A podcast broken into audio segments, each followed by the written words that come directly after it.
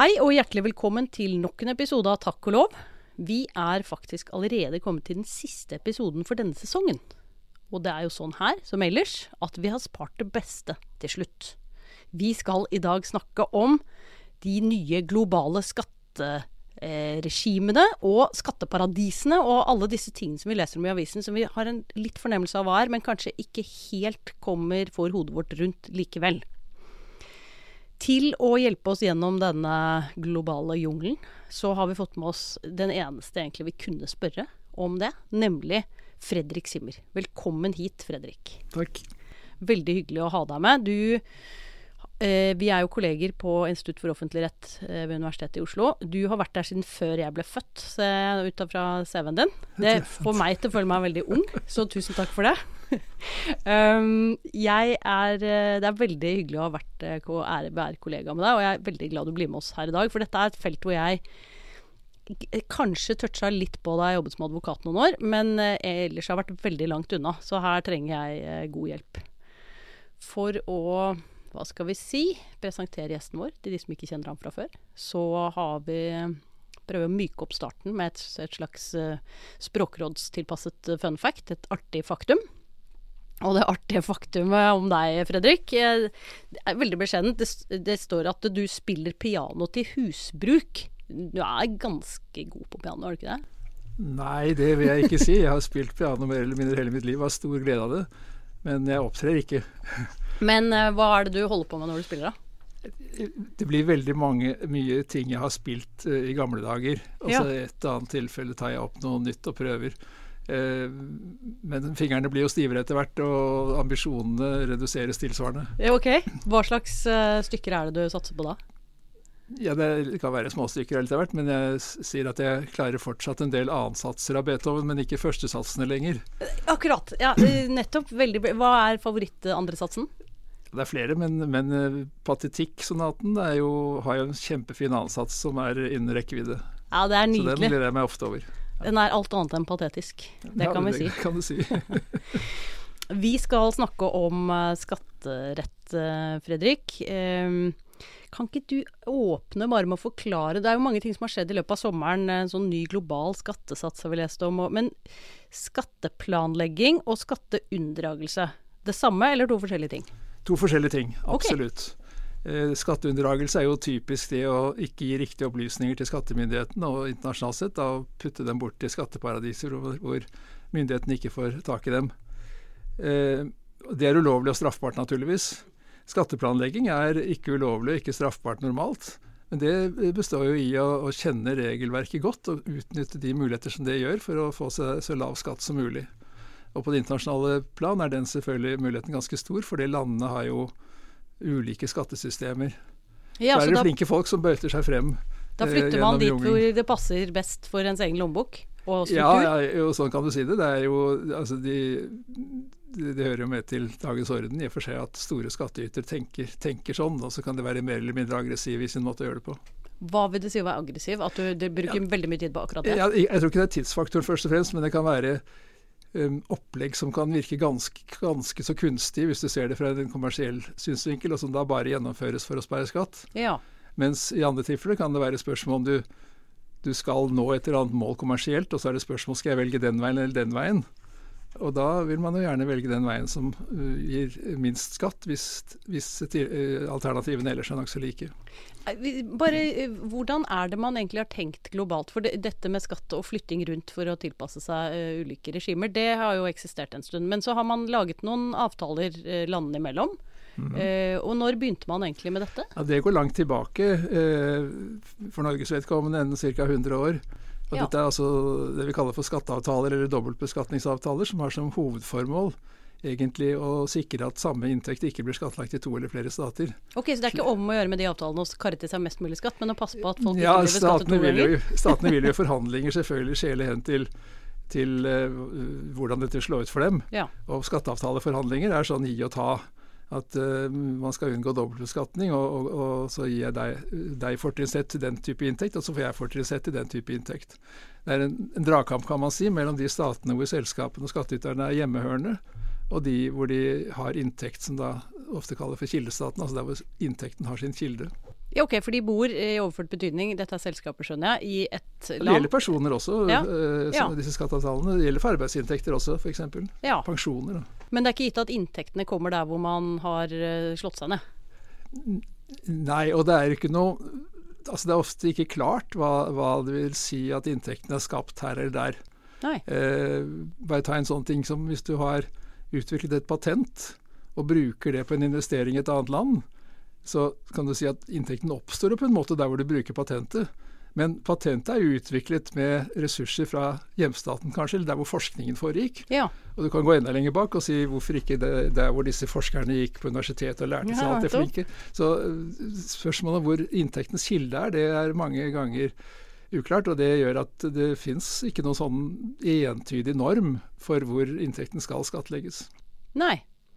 Um, disse initiativene som har kommet nå, uh, vi, vi kan komme inn på dem. Det er noen ulike um, initiativer som kanskje ikke har sånn veldig mye med hverandre å gjøre. Men noe tar utgangspunkt i det vi har hørt omtalt som skatteparadiser. Altså steder som på en eller annen måte er attraktive for folk å skatte til, fordi det er ganske lav skattesats. Ja. Er det sånn? Ja, og dette er jo eh, typisk at stat, eh, disse eh, konsernene de, de bruker skatteparadisene, har brukt skatteparadiser offensivt, eh, typisk ved å plassere verdifulle ting eller aktiviteter der. Slik at når, når inntekten kommer av den eh, inntektskilden, så vil den bli henført til skatteparadiset. Før eller siden har det nok vært meningen at de pengene skal hjem til typisk til USA. Ja. Men det har konsernet selv kontroll over når det skal skje. Fordi det vil jo skje ved en utbytteutdeling, og, og utbytteutdelinger bestemmer konsernene selv når det skal finne sted. Så de, og det kan gå år og dag og mange år, og, de, og enkelte konserner i USA sitter jo og venter på at det skal bli et skatteamnesti, så de kan tilbakeføre dette til USA uten skatt. Oh, ja. Som det nå delvis var litt av i, i Trumps reform, men, men har vært større skatteamnestier tidligere. Og det betyr at man øh, får lov å ta igjen pengene uten å betale skatt på dem? Ja, Eller Ja. med mindre skatt enn det ellers skulle vært. Ja, sånn ja. Ja. Hvorfor øh, lekte man med tanken om sånne amnestier? Eh, altså det, det, for statene er jo dette et lite dilemma. fordi at eh, eh, statene vil jo gjerne ha disse pengene hjem Ja. til, til eh, noe beskatning, og, og pengene kan kanskje gjøre god nytte for seg internt i økonomien i landene. Så det å gi en liten gulrot for å ta pengene hjem, det, det kan ha noe for seg. Men eh, amnestier er jo alltid et tveegget sverd. Ja. Eh, fordi eh, de kan altså føre til at folk blir sittende og vente på neste amnesti istedenfor å oppføre seg sånn som de egentlig burde. Ja, nettopp. nettopp. De er jo relativt eh, utskjelte, disse skatteparadisene, må vi si. Fra Dagsnytt 18 til alle andre steder. Hva Er det ting vi burde vite for å få nyansert det bildet litt? Ja, det er at når konsernene betaler lite skatt, så er det selvfølgelig skatteparadiser, men ikke bare det. Det er også det at eh, stater som ikke er skatteparadiser, de, de har et sånt eh, janusansikt. De er jo dels skattekreditorer, som i og for seg i den egenskap er interessert i å få en mest mulig skatt. Men disse statene har jo også ansvaret for å gjøre landet attraktivt for investeringer. Eller at, folk, at selskaper slår seg ned der. Ja. Og det eh, siste leder ofte til fordelaktige skatteregler. Og ikke minst har det vært mye fordelaktige skatteregler for forskning og utvikling. Eh, og det er typisk at disse teknologiselskapene, som har mye av det, de nyter av, eh, godt av nasjonale regler om fordelaktige skatteregler om, om eh, forskning og utvikling. Og Det er en ganske viktig grunn til at de betaler lite skatt. Og det, og det gjelder altså helt uavhengig av bruk av skatteparadis. ja, ok, så det er ikke entydig negativt at det fins sånne paradiser, da?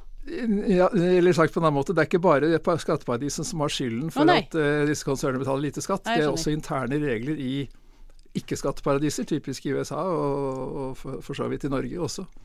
Men hva, eh, hva kan man gjøre, eller hva, hva slags eh, initiativer er det nå som er tatt for å prøve å Ja, gjøre noe altså med Det er en del av dette såkalte BEPS-prosjektet som OECD har drevet siden 2013. Hva er BEPS? Ja, Det står for Base Erosion and Profit Shifting. Oh, oh Og. Det eh, betyr altså tiltak for å motvirke at man flytter inntekt fra de landene hvor eh, inntekten i en eller annen forstand er oppstått, til skatteparadis. Ja, Så egentlig en motvirkning av én type skatteplanlegging. Ja men, eh, ja, men under dette er det nok mange forskjellige former. Altså. Okay. Det, det, det sentrale er at du flytter, flytter inntekt fra høyskatteland til lavskatteland, kan du si. Ja. Uh, og Det kan gjøres på mange måter. og Derfor så er dette BEST-prosjektet svært og, og, og innebærer en rekke forskjellige forslag. Det viser litt kompleksiteten i, det, i denne prosessen. Altså det, du, du, var inne på at disse skatteavtalene er gamle. De, ja. eller, de er ikke gamle, men er, de har gamle røtter. De har gamle Mange røtter, og de har kanskje tilpasset en verden som så litt annerledes ja. ut enn det den gjør nå. Ja, og det har vært sagt ofte. Det har, det, eh, eh, har ikke så veldig mye direkte med skatteparadiser å gjøre. fordi at skatteparadiser har som regel ikke vært øh, Man inngår som regel ikke skatteavtaler med skatteparadiser. For formålet med skatteavtaler er først og fremst å forebygge dobbeltbeskatning. Og når skatteparadiser ikke skattlegger inntekten, så er det ingen dobbeltbeskatning å forebygge. Eh, men eh, skatteavtalene har betydning for fordeling av beskatningsretten mellom de typiske hjemstatene, sånn som uh, eksportstater som USA og, og, og Tyskland f.eks., og, og i og for seg Sverige og til dels Norge i noen grad.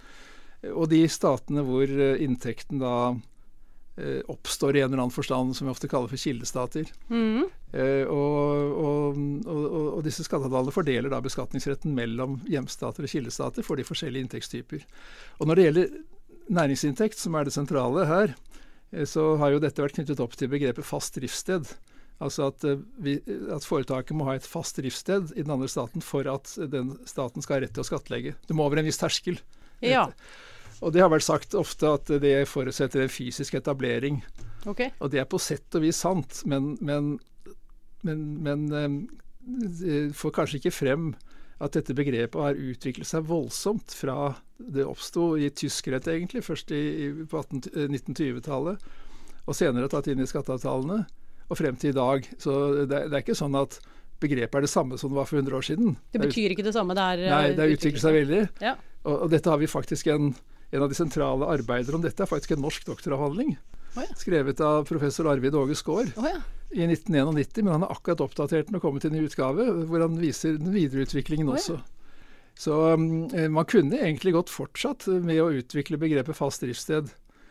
Men isteden har man nå i den prosessen som nå pågår, så har man tatt et nytt grep egentlig og, og, øh, og laget en, et øh, opplegg til en multilateral ordning. Disse skatteavtalene er jo tosidige, gjelder to og to stater. Ja. Mens problemene er jo egentlig multilaterale. Ja. Og den, eh, det tiltaket som nå foreslås, den såkalte pilar 1 i OECDs arbeid, eh, den bygger på en multinasjonal um, tilnærming. Hvor man først prøver å finne ut litt sjablongmessig, skjematisk, om hvor mye av inntekten til foretaket som skal skattlegges i, i markedsstatene, der hvor salgene foregår. Ja. Og deretter så fordeler man den inntekten mellom de aktuelle markedsstatene hvis det er flere. Det er sånn, ja. Uh, og, og, dette forutsetter i sin tur at man kan bestemme inntekten entydig for mange land, hvilket jo Høres normalt ikke går, fordi at landene har sine, sine egne skatteregler. Ja. Og det er foreslått da løst her ved at man skal bygge på, på en anerkjent internasjonal regnskapsnorm. Altså ikke bygge på skattereglene i land, men på, en, eh, på denne eh, IFRS, som det heter, som er altså en internasjonal En regnskapsnorm som sier noe om hvordan sånne typer verdier fordeles? Ja, som, som gjelder eh, vel eh, for i stor utstrekning for internasjonale konserner på det regnskapsmessige plan. Ja. Her blir det altså også tillagt vekt ved fordeling av beskatningsretten. Og det har ja. sikkert da litt ulike, ulike utslag i ulike stater, da? Avhengig av hva slags Ja, ja, og, ja. Og, og, det har jo vært snakk at dette er mye mye bråk og lite resultater. Altså det, det, det, blir ikke mye inntekt som blir forskjøvet fra, fra hjemstatene til markedsstatene på dette. Eh, ser det ut til, sånn som det ligger an nå. Men, men det blir nok til at dette er, er av betydelig interesse for en del stater. Særlig de med store markeder. Er dette da eh, noe som springer ut av både det vi har snakket om frem til nå, men at måten selskapene fungerer på, den digitale økonomien, også har endret seg mye? Ja, altså dette er, det er den utviklingen av den digitale økonomien som, som reiser dette spørsmålet. fordi eh, Tidligere så måtte man nærmest etablere seg i hvert fall med et kontor et sted for å kunne drive en aktiv virksomhet i ja. et annet land. Det behøver man ikke lenger. Og det har ført til, uh, det, det, det har ført til at at eh, forretningsmodeller som tidligere ville lede til skatteplikt ut fra de alminnelige reglene, det gjør det ikke lenger. og Derfor har det vært behov for å utvikle dette videre. Takk og lov for Fredrik Simmer, uh, som også har vært så snill å gi meg et eksemplar av boken sin, 'Skatteparadis'. Kan bare anbefales til uh, alle der ute, inkludert journalister, som kanskje fremstiller skatteparadiser på en enda mer negativ måte enn det det er grunnlag for. Mm. Um, eh, Hvis vi kunne få en mellomting mellom det og noen av de presentasjonene som blir gitt på Dagsnytt 18 av og til, så ville det vært fint. Og det får vi i boken til Fredrik. Men det er ikke bare Fredriks bok. Eh, vi kan grave oss ned i hvis vi lurer på mer om skatt, skatteparadiser og alle tilliggende herligheter. Jeg har med meg eh, Torbjørn Buer fra Juristenes Utdanningssenter og. Sturla Blank Torkelsen fra Universitetsforlaget. Hallo. Det er så fint, fordi da får vi litt mer kjøtt på veiene. Hvor skal vi gå når vi er ferdig med denne episoden og fremdeles har noen spørsmål? Skal vi bare holde oss i det boklige Ja, det syns jeg jo. Når du sitter jo faktisk og holder i boken til Fredrik eh, Anine. Altså, det er jo en kjempefin bok, da. 'Skatteparadis'. Ja. Ja. Den er høyt skattet, og, og den er på, på Juridika eh, også. Eh, den finnes på papir, men også på Juridika. Eh, og Der kan du gå inn, lese den, eh, laste ned utdrag eh, som du kan sende til dine klienter eller, eller andre som kan ha glede av det. Og du kan bruke kildene aktivt i arbeidet ditt. Boken til Fredrik er jo en, en innføringsbok om skatteparadis. Og når du skal lenger ned i skatteretten, så har vi jo et eget tidsskrift for skatterett som er, eh, har redaktører som heter Eivind Furuseth og Ben Folkvår, begge med tung akademisk bakgrunn. Eh, vi har en kommentarutgave til skatteforvaltningsloven skrevet av Einar Harbo, en kjent mm. eh, skattejurist gjennom mange år. Eh, og så har vi jo alle bøkene til Fredrik Simmer. Altså, han har en lærebok i skatterett. Han har en bok som heter 'Internasjonal inntektsskatterett', og han har jo da en bok som heter 'Bedrift, selskap og skatt', som han har skrevet sammen med et team fra BAR, ledet av Joakim Bjerke. Så juridika er tung på innholdet når det kommer til skatt. Det, det vil jeg påstå. Ja, Torbjørn? Jeg må prøve å finne noe som er like tungt. Dette skal gå fint. Ja, det skal gå bra. Da kan jeg jo starte å si Vi har nok aldri hatt så mange kurs innenfor skatterett som vi har akkurat nå. For første gang så kan vi invitere til heldags ajourføringskurs i MVA. Og da kan jeg bare si, den må du melde deg på veldig raskt, fordi det går allerede 11. oktober. Det er merverdi. Ja, det er jo det. ja. Vi har også et kurs i skatt og immaterielle eiendeler som går litt senere i oktober. Disse to, samt veldig mange flere kurs innenfor skatterett, finner du da på juss.no. Og hvis du er en av de lure som har lyst til å sikre deg et abonnement, så heter det Jussdigital. Og der finner du faktisk over 120 kurs, og det blir stadig flere. Det er veldig bra. Takk for det, Torbjørn. Da vet vi hvor vi skal gå når vi skal kurse oss litt, eller lese oss litt eh, lenger. Og det kan jo være veldig greit for de andre som ikke, sånn som jeg gjør her i dag, sitter med selveste Fredrik Skatten vår Simmer i studio.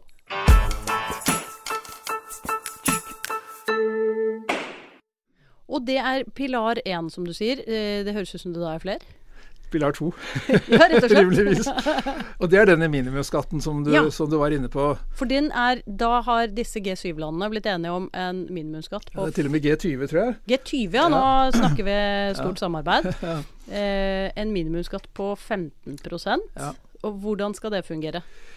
Ja, Det skal fungere sånn at uh, det type situasjonen her er at eh, et konsern som i og for seg typisk er hjemme i et ikke-lavskatteland, f.eks. USA, de har ofte plassert ut datterselskaper i skatteparadiser, som jeg vel var inne på. F.eks. kan det være datterselskaper som driver eh, konsernbanken, altså som driver interne utlåning til, eh, utlån til selskaper i konserner. Eller det kan være sånne selskaper som eier eh, verdifulle varemerker. Ja. Vi har jo hørt at varemerket Ikea eies av et selskap i Liechtenstein. Det er ikke helt tilfeldig. Nei, hvorfor Eh, gjør man det? Hvorfor, Det er fordi at da må alle de andre selskapene i konsernet må betale royalty. altså De må betale vederlag til dette selskapet for å få lov til å bruke varemerket. ja, Og og, dermed så blir det fradragsberettiget i de relative høystat, høyskatteland hvor eh, virksomheten foregår. ja, Og skattepliktig i prinsippet i Liechtenstein, men der er det lite skatt. det Og det, det er en- hovedmodell for bruk av skatteparadiser. Du skaffer deg fradragsrett i et land med relativt høy inntekt, skatt, Mot hvor du driver virksomheten. Og så korresponderer da med det da i prinsippet med skatteplikt eh, hos, i kreditors hjemstat, men det er gjerne et skatteparadis. Ja. Og dermed så blir nettogevinsten for konsernet blir jo fradragsretten i høyskattelandet. Ja, nettopp. Så, eh, så, det, eh, så denne minimumsskatten skal da fungere slik at hvis dette selskapet da som er plassert i et sånt land med lav eller ingen skatt i det hele tatt, hvis, hvis, hvis skattesatsen er mindre, lavere enn, 20, pro- eh, lavere enn 15 så skal eh, selskapets hjemstat, som da ofte vil være USA eller Tyskland, skattlegge differansen. Hva er grunnen til at hjemstaten ofte er USA eller Tyskland? Bare for meg For det er typiske eksportstater. Altså Ja. Konsernene er ofte hjemmehørende i disse, i disse statene. Og, og, og det er da altså aksjonærenes hjemstat som vil da ha eh, forpliktelsen, men også retten, Ja. til å skattlegge differansen, slik at den samlete skatt av inntekten blir 15% Ja, sånn ja. Også dette forutsetter jo sånn litt enhetlig inntektsbegrep. og Også der vil man bruke regnskapsregler eh, for å oppnå det. Fordi det varierer fra stat til stat. varierer fra stat til stat. Ja. Og dette tar da Da slipper man eh, de skatteparadisene. Ja, da vil, da vil i hvert fall skatten bli 15 uh, uansett, Uansett. eh, om uh, selskapet er hjemmehørende i et skatteparadis eller ikke. I hvert fall Kommer, 15 hvor mye kommer dette til å løse da? Ja, det, OECD gjorde noen beregninger som tyder på at, eh, at eh, eh, konsernenes skattebetaling kom til å øke med 4% omtrent. Det hørtes jo ikke så veldig mye ut. Det høres ikke så veldig mye ut, nei. Men jeg husker ikke noe tall nå. Men når du begynner å regne det i, i dollar, så blir det en del. Ja. Jeg tror, men jeg tror allikevel det viktigste med dette kanskje ikke akkurat er det, men at det setter en sånn bunnplanke for denne race to the bottom, som man sier. Altså dette at eh, statene konkurrerer med stadig lavere skattesatser for å tiltrekke seg virksomhet. ja nei, at man Eh, og nå kan man si at nå nytter det i hvert fall ikke å under rettssystemet nytter det i hvert fall ikke å ha skattesatser som er lavere enn 15% Nå hører det med til det bildet at eh, ta land som Irland, som har en skattesats på 12,5, de er ikke så langt unna i den satsen. Man kan spørre spiller dette noen rolle for Irland.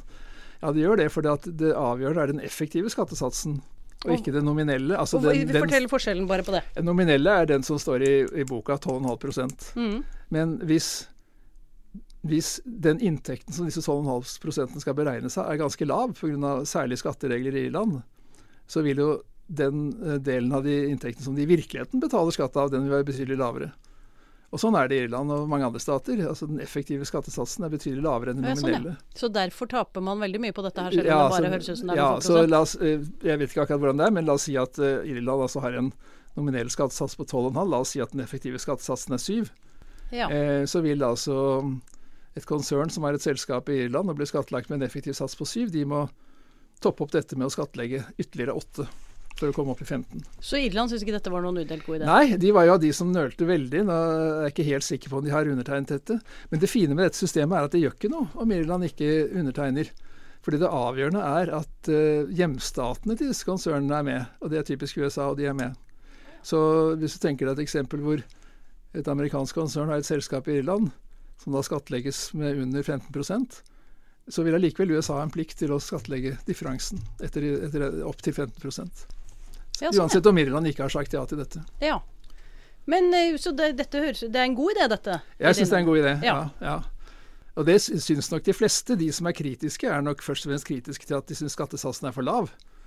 Eh, og, og det kan man godt mene, men her er det noe med at politikk er det muliges kunst. og, og og det er det det har vært mulig å få til. Altså Egentlig så er den blitt litt høyere enn den så ut til, for de første beregningene fra OECD var basert på 12,5 Ja. Men jeg tror det var Bidens eh, innspill der som gjorde at, eh, at, eh, man, at man festet seg ved 15 nå, er dette ofte omtalt som Bidens skatteforslag, og det er en sannhet med modifikasjoner, for dette har jo vært utredet nå i årevis.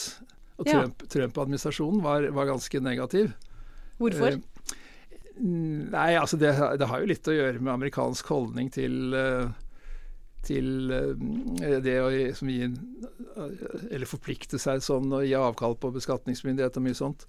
Eh, så, og, som jo Trump-administrasjonen var en eksponent for, mens Biden-administrasjonen er, er mer åpen for viktigheten av den type samarbeid. Og det har hatt en stor betydning for fremdriften her. Det, det så en stund ut til at uh, mye av dette kunne stoppe opp pga av at uh, den gamle administrasjonen nølte.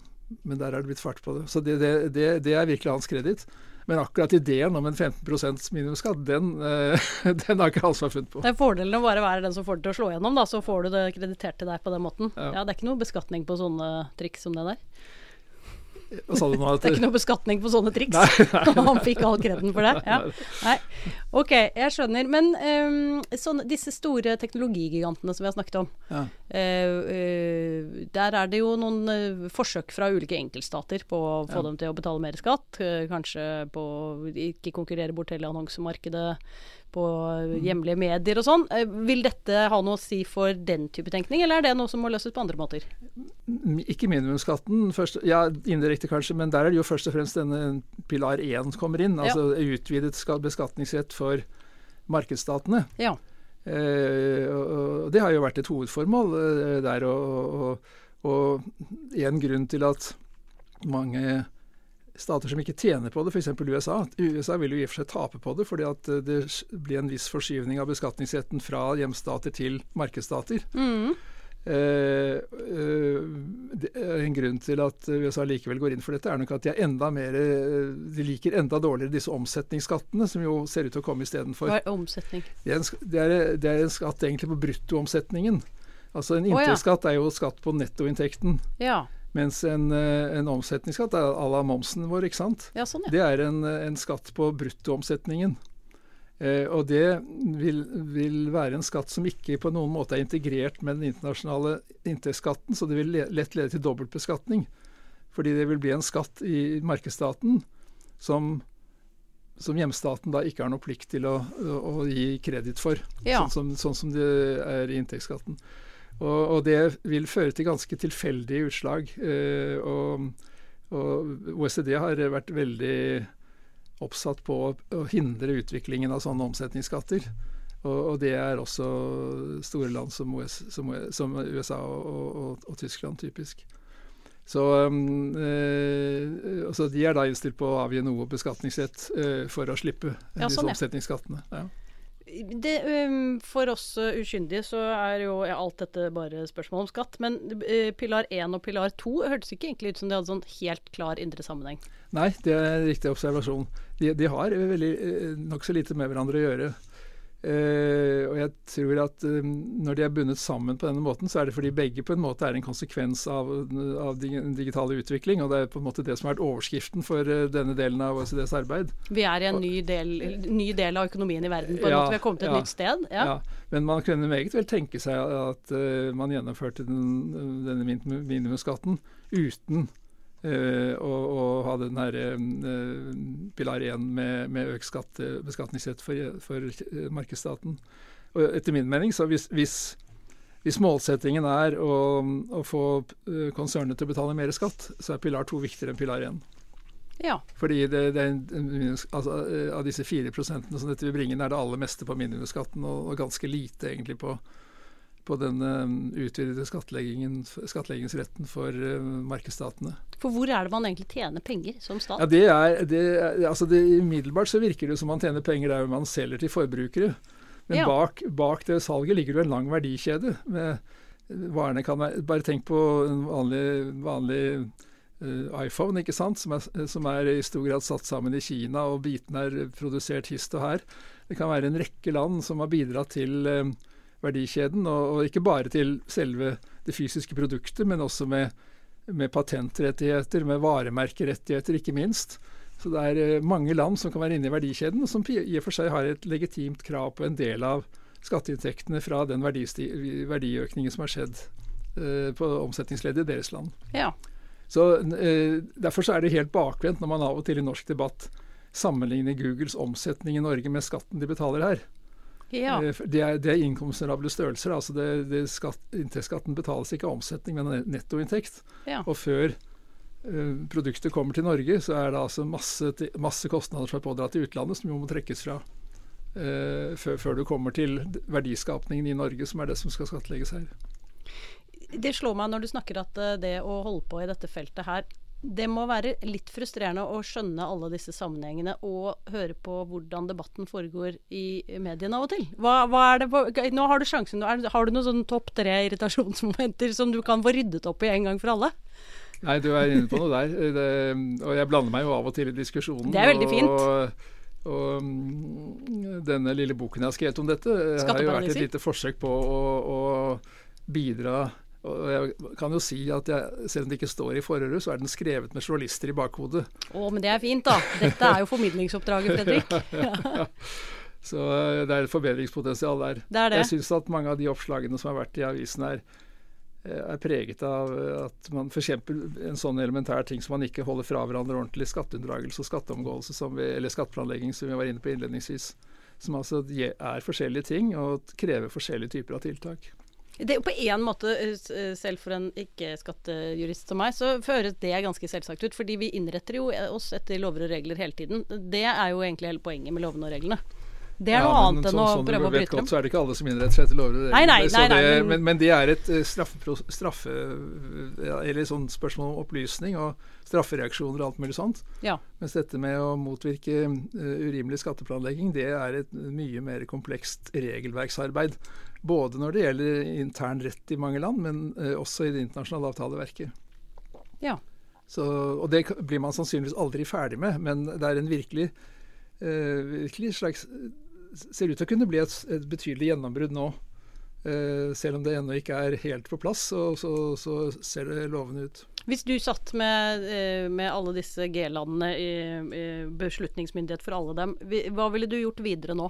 Hvis du skulle bidra Nei, jeg tror det løpet som nå er lagt altså det, uh, Når man leser OECDs dokumenter om dette Det er for øvrig ikke bare OECD. OECD er jo en sånn rikmannsklubb, som man ofte sier. Men dette foregår innen rammen av noe som heter Inclusive Forum, som består av 140 land. Ja. Og, og, og, det er selvfølgelig både u-land og, og, disse spørsmålene kanskje det har vi ikke snakket om, men disse spørsmålene er kanskje vel så viktige for u-land som for i-land. Ja, det er klart. Fordi selskapsskatten spiller større rolle, relativt større rolle for u-land enn de gjør i i-land. I Norge er jo selskapsskatten bare, bare uh, under 100, 100, milliarder. Ja, For hva er det vi tjener penger på primært av skatt? På deg, skatt på deg og meg. På deg og meg, ja. ja, ja. altså Det er lønnsinntektene som, som innbringer de store skatte... Og, og, og momsen med eh, som om, omsetning av varer og tjenester. Ja.